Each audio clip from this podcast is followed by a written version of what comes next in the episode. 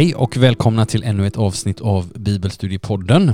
Först ska jag säga det som jag alltid brukar säga först i varje avsnitt. Den här podden ges ut av Svenska kyrkan, Kungsbackahanas församling och leds av mig, Fredrik Borlin, som är vikarierande präst här i församlingen. Och i och med dagens avsnitt så ska vi ge oss ut på en ny vandring här i podden. Ja, i ärlighetens namn så påbörjades ju den vandringen faktiskt redan i förra avsnittet när prästen, bibelläraren Elisabeth Karlsson var här. Men idag så börjar faktiskt vandringen på allvar eftersom det är idag som vi ska börja läsa själva texten och samtala om den.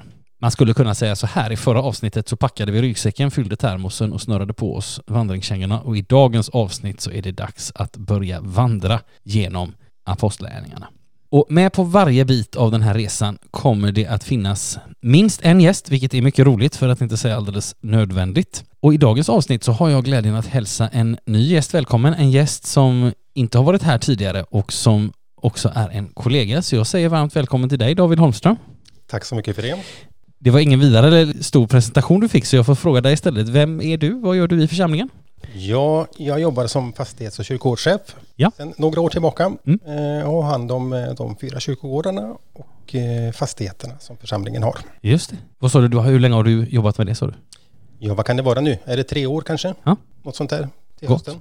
Så att man kan säga, du är mer, mest utomhus, mest inomhus? Nej, mest utomhus. Nu för tiden sitter jag mest på kontor.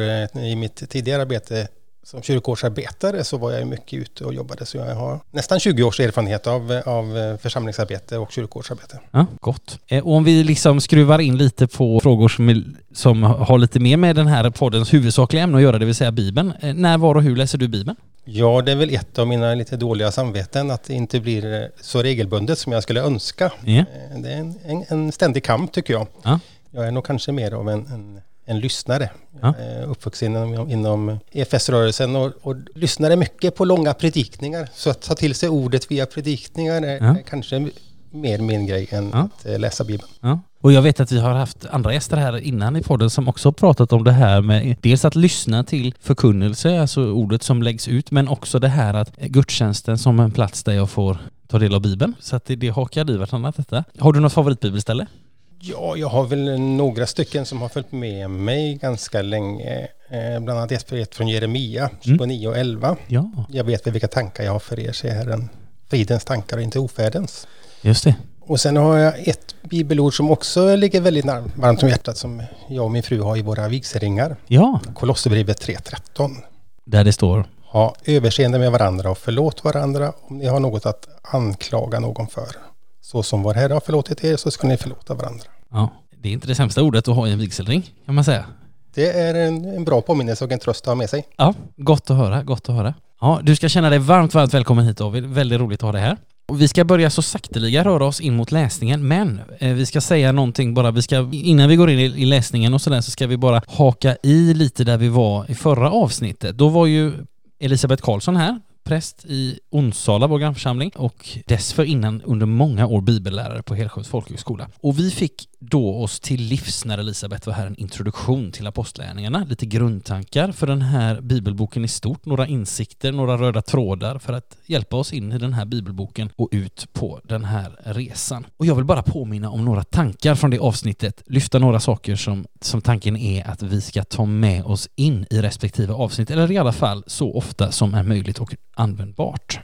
Och en sån där sak är detta som Elisabet nämnde, alltså ringarna på vattnet. Hur budskapet hela tiden sprider sig. Apostlagärningarnas värld växer hela tiden. Budskapet om det glada budskapet sprids ut och den värld som vi möter i apostlagärningarna och som apostlarna möter och som vi läser om blir på samma gång successivt mer och mer komplex. En annan sak att ta med i beräkningen, om man nu kan göra det, det är den heliga Ande som hela tiden leder, inspirerar, uppmuntrar, förvandlar människor, sammanhang och så vidare. Apostlagärningarna är ju på ett särskilt sätt den helige Andes bok. Men jag tror att vi snarare ska se på den som en exempelbok på hur den helige Ande verkar och kan verka, hellre än en, som en liksom, systematisk lärobok över exakt hur det går till i det ena eller i det andra fallet när den helige Ande är inblandad. Så exempelbok mer än lärobok. En annan tanke vi fick ifrån förra avsnittet är att vi kan tänka på apostlagärningar bland annat som en församlingsinstruktion. Här i finns massvis av information om den kristna kyrkans första tid, vilket innebär att här finns tankar och vägledning som det är bra för församlingar och kristna idag att känna till och låta sig inspireras av. Apostlagärningarna är också på ett sätt, det ska vi också komma ihåg, större än evangelierna. Så tillvida att den här bibelboken täcker ju en längre tid än evangelierna. Ungefär 30 år. Så under så lång tid utspelar sig de händelser som vi kommer läsa om i den här boken jämfört med evangeliernas beskrivning av Jesu verksamhet som ju pågick i ungefär tre år. Så att det är tio gånger så lång tid och världen i apostlärningarna är också mycket större. Evangelierna rör ju sig mycket i Israel med något enstaka undantag när Jesus lämnar judiskt område. Apostlagärningarna däremot utspelar sig över hela östra halvan av medelhavsvärlden. Och apostlagärningarna presenterar också en på andra sätt större värld. Fler personer, fler kulturer, religioner, strukturer, sammanhang, föreställningar och perspektiv än vad vi möter i evangelierna. Så världen blir större på flera sätt.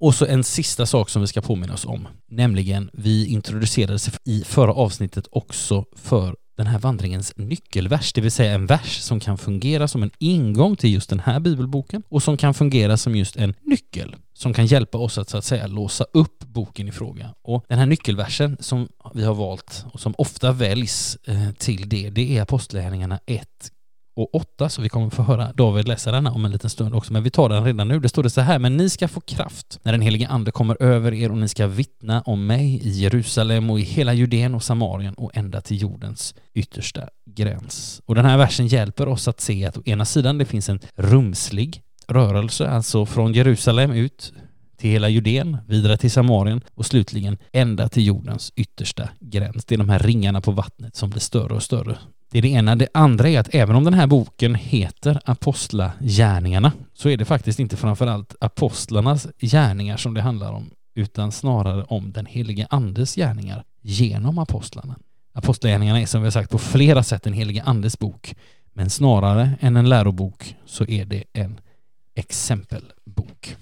Gott. Ja, en sak, en sak till kan vi faktiskt, eller två saker till kan vi faktiskt säga och ta med oss. Det, det ena är den här rörelsen. Apostlagärningarna är skriven av Lukas. Han, har skrivit, han är alltså den författare som har skrivit mest i hela Nya Testamentet. Och vi kan tänka oss hela hans verk, alltså Lukas evangeliet och Apostlagärningarna som en en och enda bok men i två delar och som är som en pendelrörelse, alltså Lukas evangeliet som börjar i Rom där kejsar Augustus skickar ut ett påbud om att hela världen ska skattskrivas och så slutar Lukas evangeliet i Jerusalem med korset och uppståndelsen. Och sen så börjar apostlagärningarna det ska vi få höra alldeles, alldeles strax med några rädda lärjungar i den övre salen eh, eller någonstans i Jerusalem. Och så slutar den i Rom i kapitel 28 där Paulus sitter fängslad. Så det är en rörelse från Rom till Jerusalem och tillbaka igen.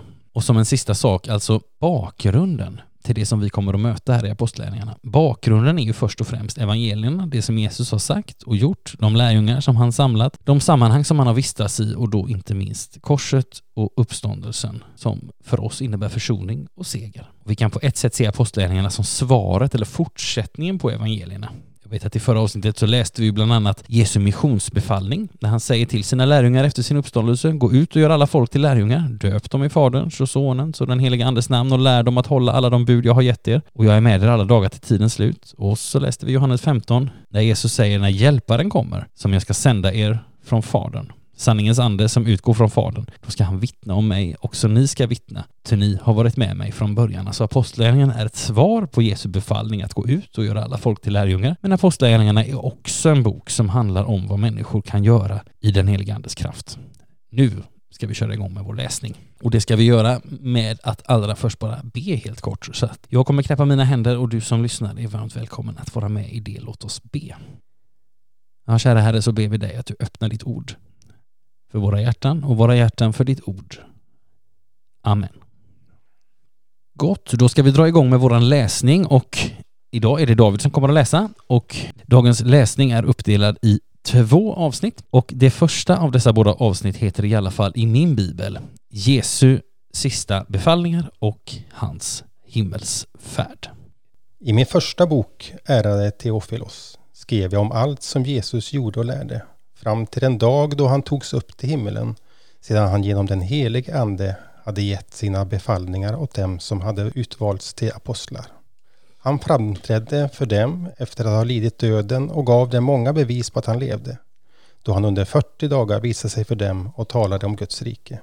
Och under en måltid tillsammans med dem sa han åt dem att inte lämna Jerusalem utan vänta på det som Fadern hade utlovat.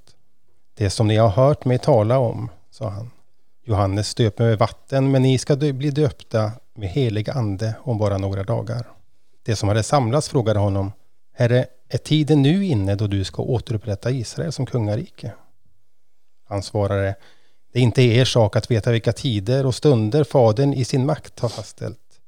Men ni ska få kraft när den heliga Ande kommer över er och ni ska vittna om mig i Jerusalem, i hela Judeen och Samarien och ända till jordens yttersta gräns. När han hade sagt detta såg de hur han lyftes upp i höjden och ett moln tog honom ur deras åsyn. Medan de stod där och såg mot himmelen dit han steg upp stod plötsligt två män i vita kläder bredvid dem. Galileer, sa de. Varför står ni och ser upp mot himmelen? Denna Jesus som har blivit upptagen från er till himmelen ska komma tillbaka, just så som ni har sett honom fara upp till himmelen.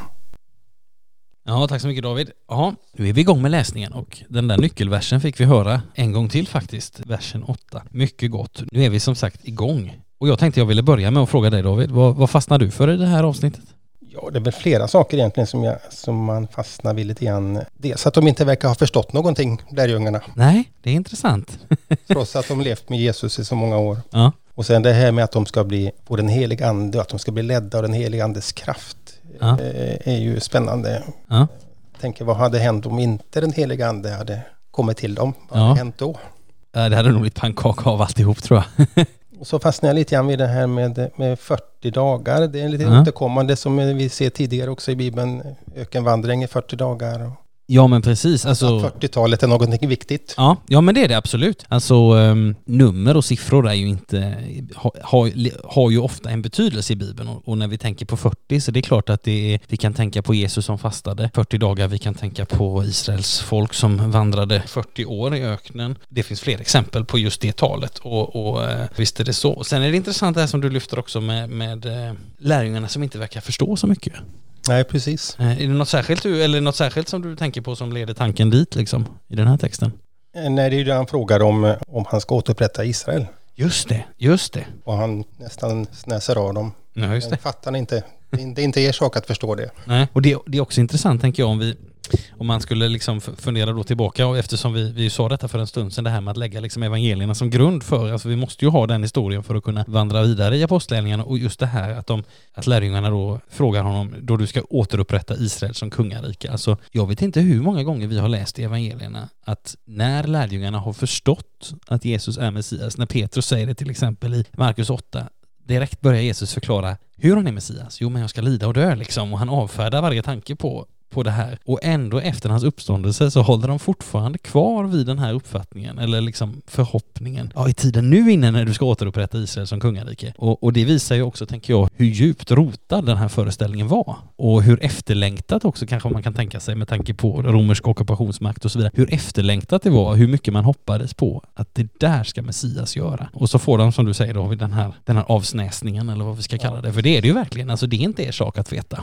Och det kan också vara en tröst att det inte det är inte det som kristen tro handlar om. Framförallt spekulationer och te tidens tecken först och främst. Eller, eh, det, eller så att säga någon slags hemlig kunskap utan det handlar om relationen med fadern och sonen. Nej, men det tänker jag, det kan vara också en, som du säger, en tröst även för oss. Liksom, att ja. Det är ju nog titt som tätt tycker jag i alla fall, eh, pratar personligen, som man inte förstår, förstår allting. Nej, nej, visst. Eh, men att ändå kunna ha den trösten att ja, men det är inte min sak att, att veta allt. Nej. Jag får förtrösta på att Gud leder mig. Ja. Ja men precis och det, jag vet vi, har, vi har tagit upp flera gånger här alltså eh, våra vägar och Herrens vägar det är inte alltid samma sak alltså, eller långt därifrån men, men eh, och det, det, är inte heller det som det alltid handlar om heller. Eh, kunskap om framtiden. Sen kan vi få mycket tankar av Jesus i evangelierna om hur det kommer att bli och så vidare men, men det är inte för, först och främst där i tryggheten ligger utan att det finns någon som bär hur det än är så att säga. Något mer som du tänker på i det här avsnittet?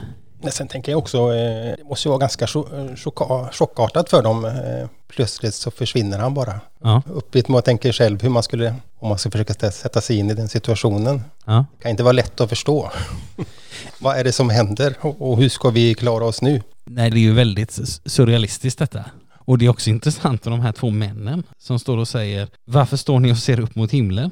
Ja, det är inte så konstigt att de gör det. Nej, det är inte jättekonstigt att de gör det. Och sen så får de den här, och det, det tänker man kan också fundera på vad som ligger i den frågan. Alltså varför står ni och ser upp mot himlen? Alltså de här två männen får vi ju, tänker jag mig i alla fall, att det är inte så att säga bara två män som går förbi, utan det är, jag uppfattar det som att det är två änglar. Ja, det tänker jag också.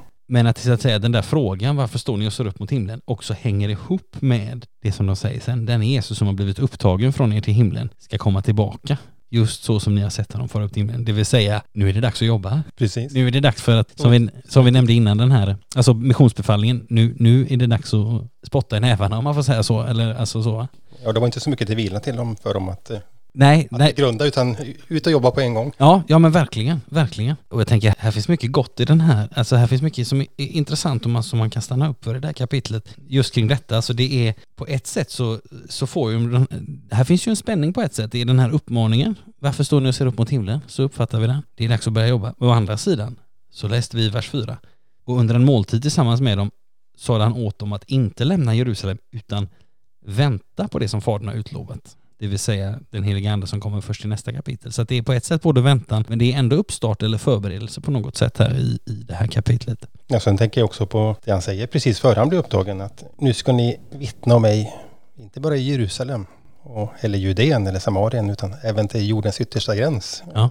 Det är ju rätt mycket prestationskrav, tänker jag, de måste känna på sig. Ja, ja, det var inte så här, nu ska ni få en liten uppgift till att börja med, utan det, det är rejält. Men, men samtidigt så ska vi se här, men också det här att, och här, här var vi ju faktiskt i våra nyckelvers, men ni ska få kraft när den heliga ande kommer över er. Alltså det är där det börjar, det börjar med kraften och sen så, Jesus säger inte att ni ska göra det här uppdraget, så får vi se om jag kanske skickar lite förstärkning om det behövs. Nej, utan, utan tvärtom, ni ska först få kraft från den heliga ande och då ska ni vittna om mig. Liksom. Så att det, det hänger ihop, kallad och utrustad på det sättet några saker bara som man bara kan stryka under. Alltså, I förra avsnittet så var vi bara kort inne på det här hur, hur apostlagärningarna börjar. Alltså i min första bok, Ärade Teofilos, och mer kring vem Lukas är, det, det fick vi oss till livs då och faktiskt också en hel del om vem den här, eller lite det som vi kan veta eller i alla fall kan spekulera i kring den här Teofilos så att det kan både vara en faktisk person men det kan också vara vi som läser som enskilda och det kan också vara vi som läser som församling. Att vi kan tänka på det där som en blinkning eller en inbjudan till varje människa som läser den här boken, alltså även du och jag. Och sen, så,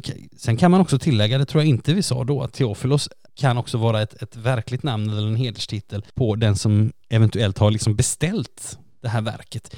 Vilket skulle kunna innebära att till exempel en förmögen sponsor eller mecenat som helt enkelt beställt en redogörelse av vem är den här Jesus och, och vad tror hans efterföljare på? Förmodligen för att den här personen själv har fattat liksom tycke eller intresse eller på något sätt för, för den här rörelsen. Och det här att förmögna personer liksom beställde en bok som skulle skrivas till dem på beställning. Liksom. Det var inte ovanligt i antiken. Men, men vem den här Teofilos är, om det är vi själva eller om det är en faktisk person eller, eller sådär, det vet vi inte. Men vi kan mycket väl se oss själva, tänker jag, som tilltalade där. Det är en sån sak. Och sen, vi kan också bara kort stanna upp vid detta som Lukas skriver i slutet av vers 2. Det står så här, fram till den dag då han togs upp till himlen sedan han genom helig ande hade gett sina befallningar åt dem som han utvalt som apostlar. Ja, det är ju faktiskt deras gärningar som vi läser om. Alltså vad är en apostel?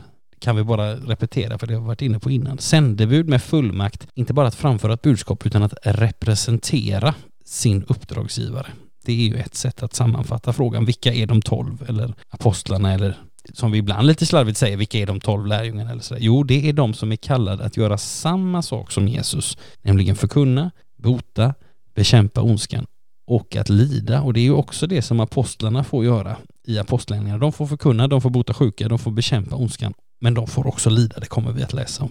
Har du något mer David när du tänker, när du eh, utifrån eh, det här avsnittet? Jag tänk, tänkte lite mer på det här att man ska ha kraft av den heliga ande som kommer över er. Ja. Att vara ledd av anden, alltså ledd av anden i, i det uppdrag eller det, det arbete jag gör. Jag tänker tillbaka på Jesus blev ju också ledd av anden ute i öknen i 40 Just dagar. det, ja precis. De här 40 kommer tillbaka men också ledda av anden, precis, Precis. exakt. Anden ledde även Jesus så tydligt i evangeliet, Mm. i hans uppdrag. Just det. Och att, eh, men vad, vad, vad, vad skulle, hur skulle kyrkan fungera liksom om vi inte blev ledd av anden, tänker jag. Och hur skulle jag fungera som kristen om jag inte var ledd av anden? Ja.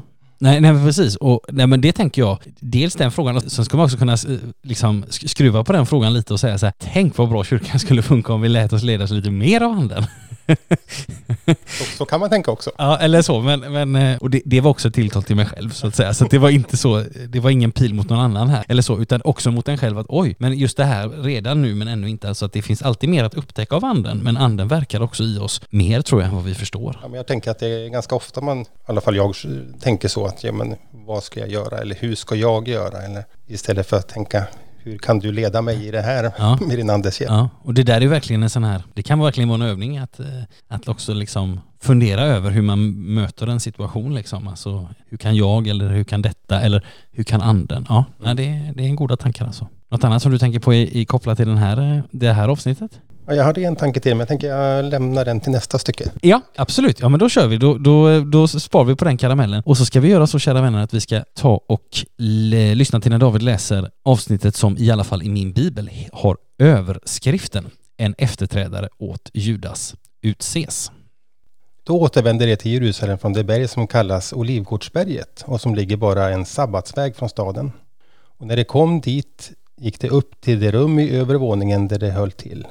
Petrus, Johannes, Jakob och Andreas, Filippos och Thomas, Bartolomaios och Matteus, Jakob, Alfaios son, Simon, Seloten och Judas, Jakobs son.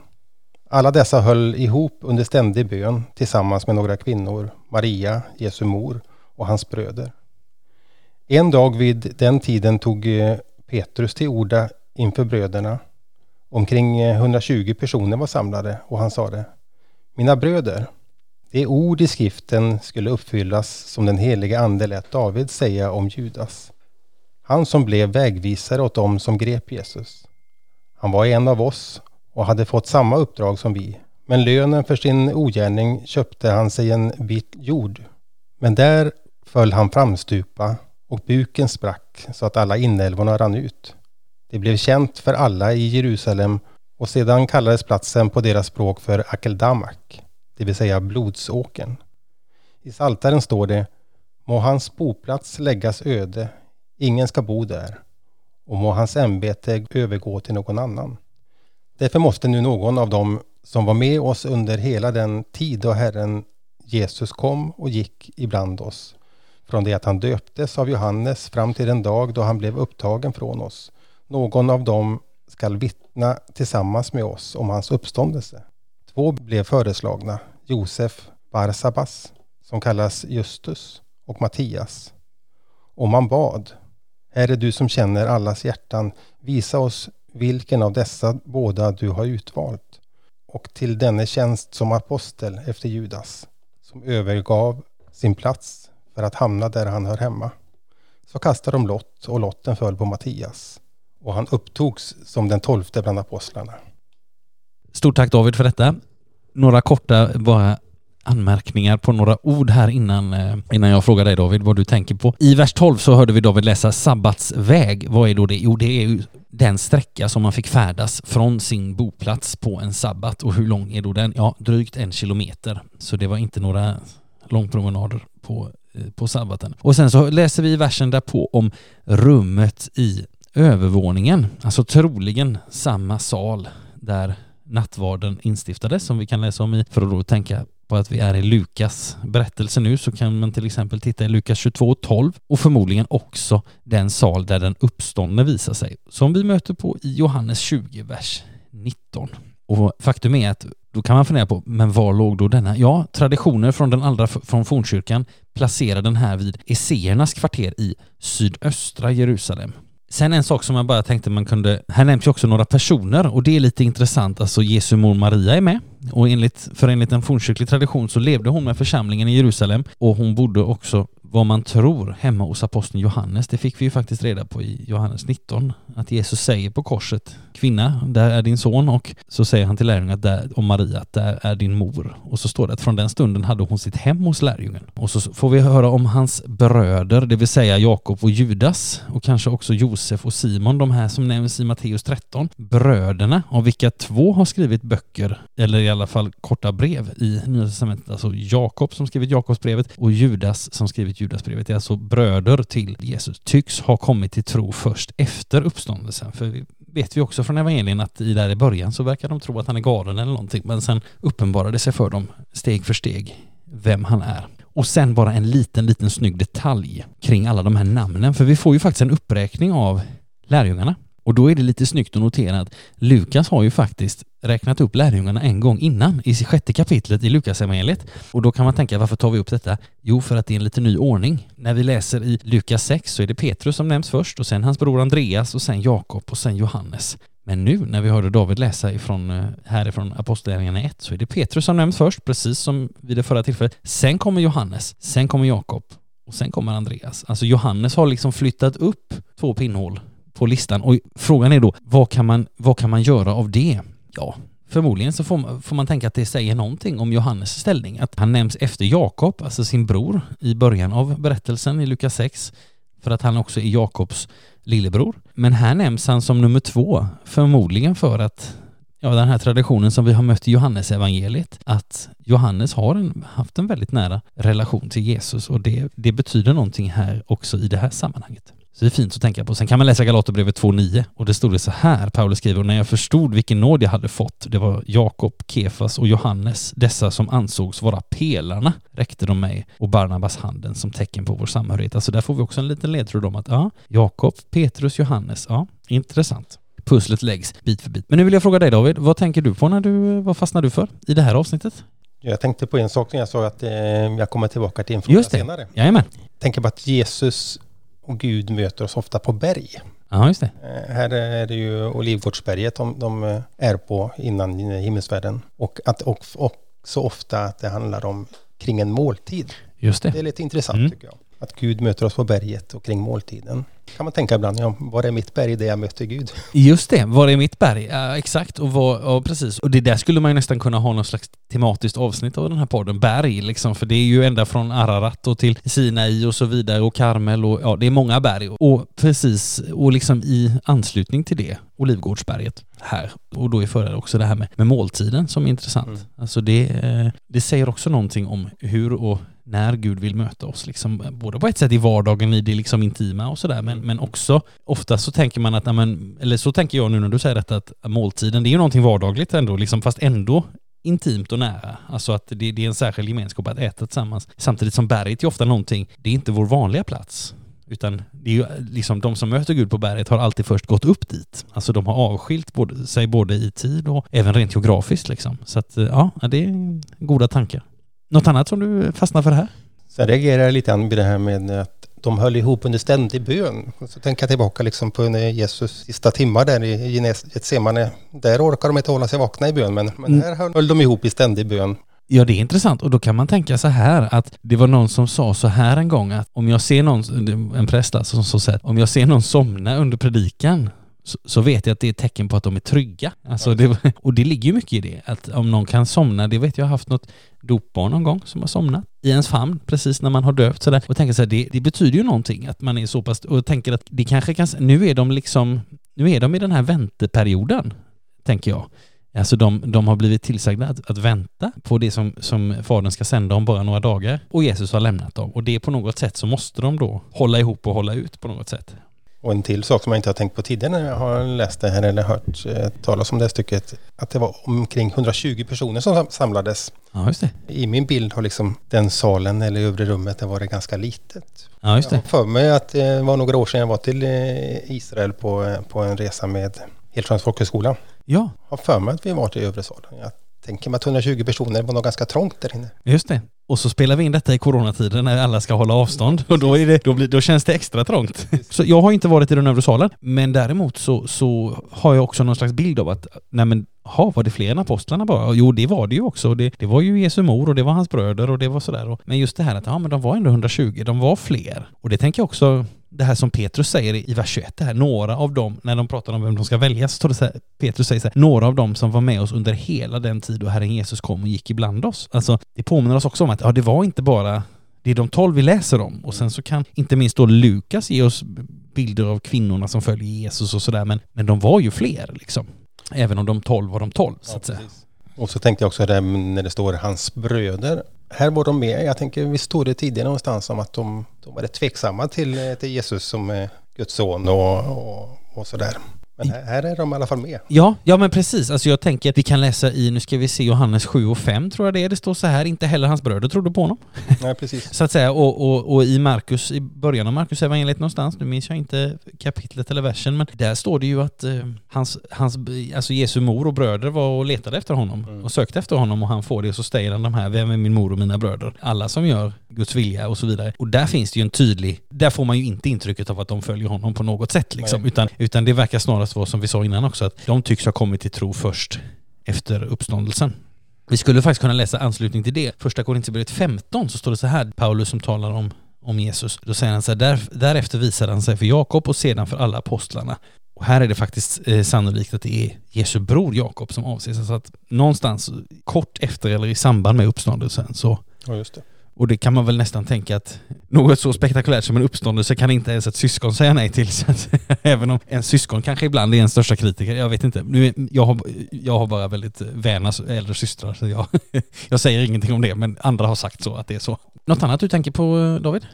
Sen tänker jag lite kring det här med att eh, de ska utse en till lärjunge. Ja. Det är viktigt att det är tolv stycken. Ja, numren igen. Ja, precis, det är numren mm. igen. Det kallas för fullhetens tal på något sätt. Ja, jo men visst är det så.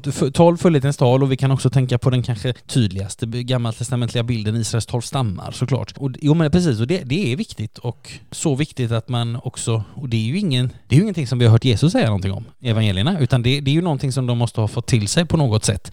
Jag tänker också i förlängning till det så när de sänds ut och de går två och två Mm. Att det måste vara ett jämnt par. Ja, just det. finns något, något gott i det också i, om vi tar tillbaka det till, till våran tid. Liksom. Absolut. Det, det, är tufft och jobbigt att gå själv. Ja, jo men det är sant. Att, att gå två och två är någonting gott. Ja, ja men verkligen.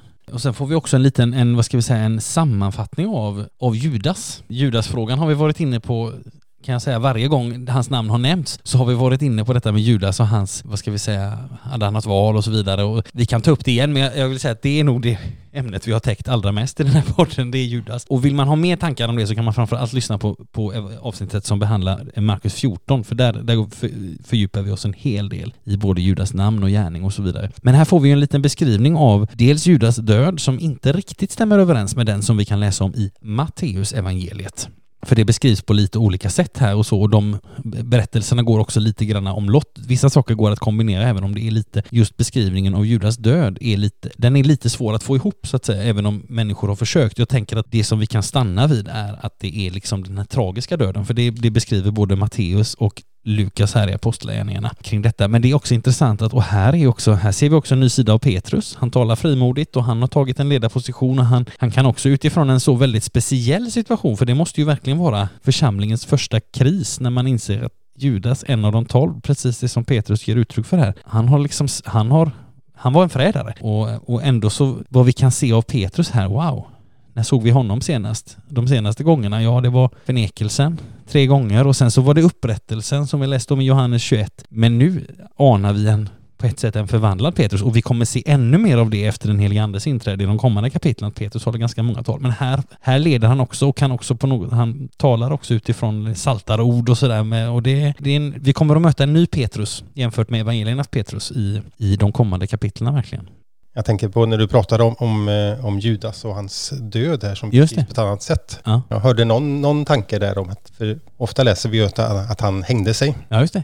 Och att det på något sätt att han hade ramlat ner då eller mm. repet hade gått av eller på något ja, sätt. Ja. Och att då spräcktes buken på något ja. sätt. Men det är ju en tanke i varje fall. Ja men det är en tanke och jag tänker så här att man har, man har ju försökt att liksom harmoniera de här båda berättelserna. Dels det som Matteus berättar om att, att Judas tar sitt eget liv och att det som Petrus här berättar om verkar vara någon slags mer vad ska vi säga, mer en tragisk död. Eller det är ju, alltså självmord är ju otroligt tragiskt, men här är det mer liksom en olyckshändelse på något sätt, på ett annat sätt. Va? Och man har försökt förklara detta med att ja, det, dels den här harmoneringen att, han, att det är liksom en kombination av att repet har gått av eller något sånt där. Men också det här att någon har sagt så här att nej men Petrus han på något sätt, han vill på något sätt, han väljer att betona en annan del av, av det som har hänt liksom i någon slags omsorg om Judas eller sådär. Eller att, ja, man kan tänka sig, den är inte helt lätt att få ihop. Det är den inte. Men det, fin det finns ett antal tolkningsförslag för hur man, hur man, skulle, kunna, hur man skulle kunna tänka där liksom. Ja, nej men något sånt liksom. Gott. Om inte du har något mer då, David, så tänker jag att vi börjar gå in för landning här. Man kan ibland fundera på hur man på bästa sätt kan sammanfatta ett stycke text, till exempel ett kapitel i Apostlagärningarna med bara ett eller två ord. Så Jag tänker att väntan är ett sådant ord man skulle kunna använda. Förberedelse är ju faktiskt lite också för att man, man utser ju faktiskt en, en, eh, en efterträdare som vi intressant nog aldrig mer får höra om. För Mattias, den här nummer, den nya nummer 12 så att säga, honom, honom möter vi mig veterligen aldrig på igen. Men, men det här, här ligger ändå en förberedelse och inte, inte kanske framför allt, eller absolut inte framför allt i att han utses, utan framför allt kring det här som, som vi stannade upp vid för en stund sedan, den ständiga bönen och så vidare. Så att man väntar på någonting, det som Fadern ska sända och det får vi möta i nästa kapitel. Men här finns också en förberedelse, här finns också förberedelsebiten, bönen och så vidare och så vidare. Men det känns gott att vara igång på den här vandringen, på den här ganska långa vandringen. Kapitel 1 av 28. Så att vi har att göra en stund till. Men nu kan vi eh, lite grann lägga dagens kapitel till handlingarna och jag vill säga till dig David, stort tack att du har varit här. Tack detsamma. Mycket gott att, att få läsa och samtala om Bibeln tillsammans med dig. Eh, till dig som har lyssnat, hoppas att du har funnit någonting i vårt samtal här. Och till nästa gång som vi hörs så önskar både jag och David dig som har lyssnat allt gott och Guds rika välsignelse. Hej då! Hej då!